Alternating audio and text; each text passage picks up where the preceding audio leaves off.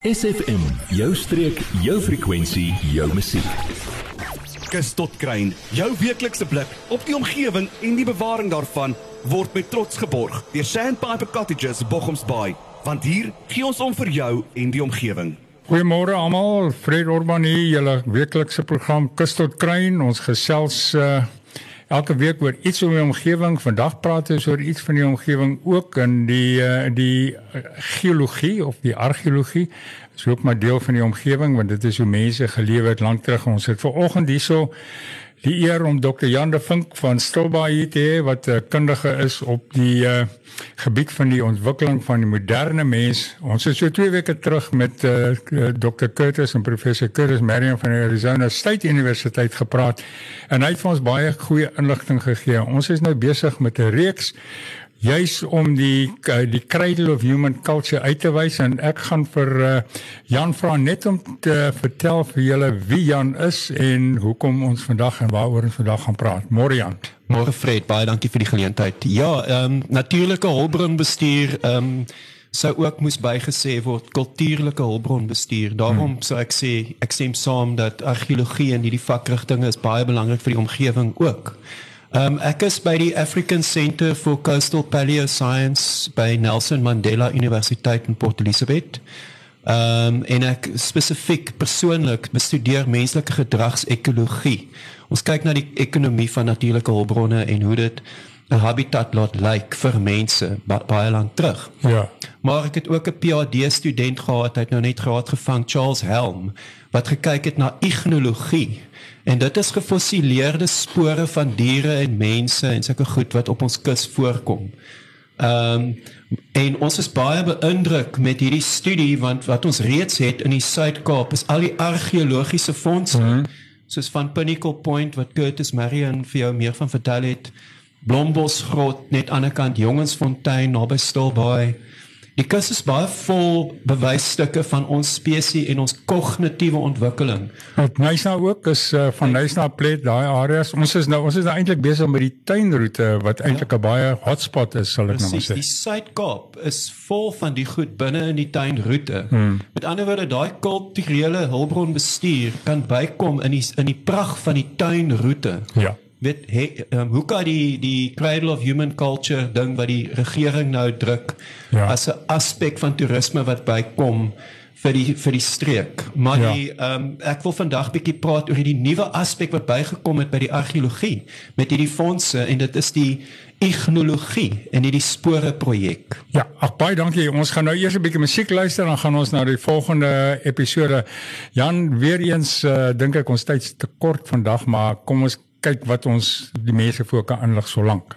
Jy, ja jy. Nou dat ons jou aandag het, vertel jou vriende van SFM en ondersteun plaaslik. SFM maak elke dag 'n goed gevoel dag. SFM. Goeiemôre, ons is nou terug op die lug. Julle weeklikse program Kus tot Kruin SFM en ons vertel vanoggend uh, vir julle 'n bietjie van ignologie en amogeloof.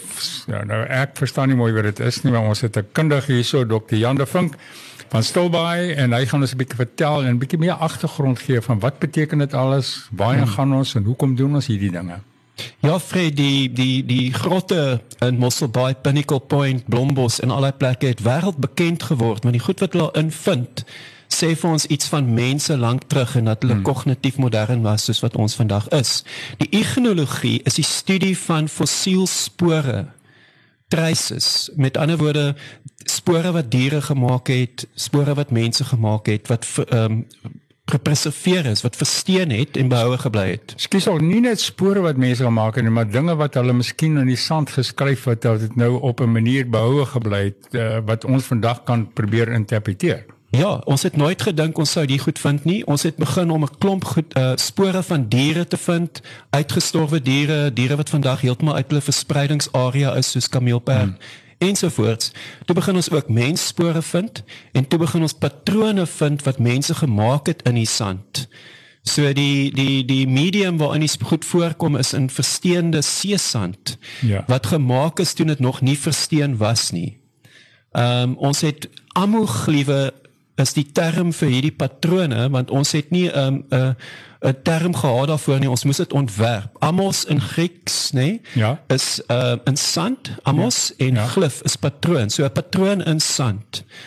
Ehm um, en ons het verskeie van hulle al gevind, maar die belangrikstes is die datums. Ons het nou een van 139000 jaar terug. 'n Patroon, 'n simbool deur 'n mens gemaak en dit is definitief die oudste simbool wat 'n mens ons spesies nog ooit gemaak is. Dis amper 'n kunssimbool in in terme van uh, dit is toe die moderne mens ontwikkel het want 'n dier kan dit nie doen en kan nie hierdie uh, sp spesifieke patrone skryf nie of teken nie. Nee, absoluut nie. So ons het baie redes hoekom ons gedefinieer word as mense en nie diere nie, mm -hmm. nê? Nee? En die feit dat ons simbole kan maak Ja. wat iets beskryf is is natuurlik heeltemal uniek, vir ons as 'n spesies. Jy weet, Ja, ons die. Homo sapiens spesies Ja, nou. net jy weet ons almal, ons 8.5 biljoen op planeet Aarde, nê? Nee, Ja. Ehm moet eintlik kyk na hierdie fondse want dit is die oorsprong van waar ons regtig simbole vorm. Dit kon ouer gewees het. Dit is net nog nie gevind nie. Die oudste wat sover gevind het is ons amogliewe hier op hierdie kus. Ja, so ons kus is eintlik wêreldbekend as die oorsprong van die moderne mens en moderne mens beteken nie die ouens met 'n suit en 'n tie nie. Moderne mens beteken 'n ou wat kon dink, soos Curtis ook beskryf het, iemand wat iets aan mekaar kom sit om iets beter te maak of om homself uit te druk en oor te dra aan iemand anderster. Ja, die die argeologiese fondse, nê, nee, is op twee goed gebaseer op die oomblik, die grotte wat hulle daar vind. Die een is daar's ingenieurswese, daar's tegnologiese vernuf soos jy nou sê. Ja. Ehm um, allerhande goed, hulle bak klippe om hulle beter te maak vir klipwerktuie. Hulle doen uh verskillende tools, jy weet, maar daar's ook die kulturele deel en dis die simbole, kunstige goedjies. Ons gaan nou 'n bietjie verder praat daaroor. Jan, baie dankie. Ons gaan eers na 'n bietjie musiek luister om ons bietjie rustig te maak en ons koppe te laat werk oor wat Jan nou gesê het en ons gaan moet dink wat Jan nou gaan sê. Word deel van ons Facebookblad vandag nog facebook.com vorentoe skuinstreepie SFM streek. Ons is nou vanoggend in ons laaste fasetjie, sal ek nou maar sê van my gesprek met uh, Jan de Vink, Dr. Jan de Vink van Stilbaai en dit gaan oor die ignologie en die amoglie amoglyfs. Ekskuus tog, jy weet my Grieks is nie so goed soos wat dit was nie. Uh Jan, ehm um, wat beteken al hierdie goed vir ons? Ek bedoel, hoekom doen ons dit? Waar gaan ons? Is daar 'n les vir ons daarin? Uh jy weet, my mening is altyd ek sê altyd vir mense Hoekom ons nog iets oor het op ons kus is omdat die mense voor ons daarna gekyk het. Jy weet, en dit en ek praat van die natuur want die mense is maar deel van die natuur. Hoe gaan ons vorentoe? En Wat beteken al hierdie goed vir ons wat jy nou van praat? Hoe gaan ons dit gebruik en en hoe kan ons leer daaruit? Ja, Fred, ek sou sê is goed om te begin by die feit dat daar, daar is nou 8.5 biljoen van ons op die aarde, Ja. nê? Nee? Ons spesies Homo Dit sapiens. vandag, natuurlik môre is daar meer. Ja, ons groei teen 'n tempo. Ehm um, ons weet nou ons ons leer nou al hierdie goed omtrent ons spesies, nê? Nee? Ja.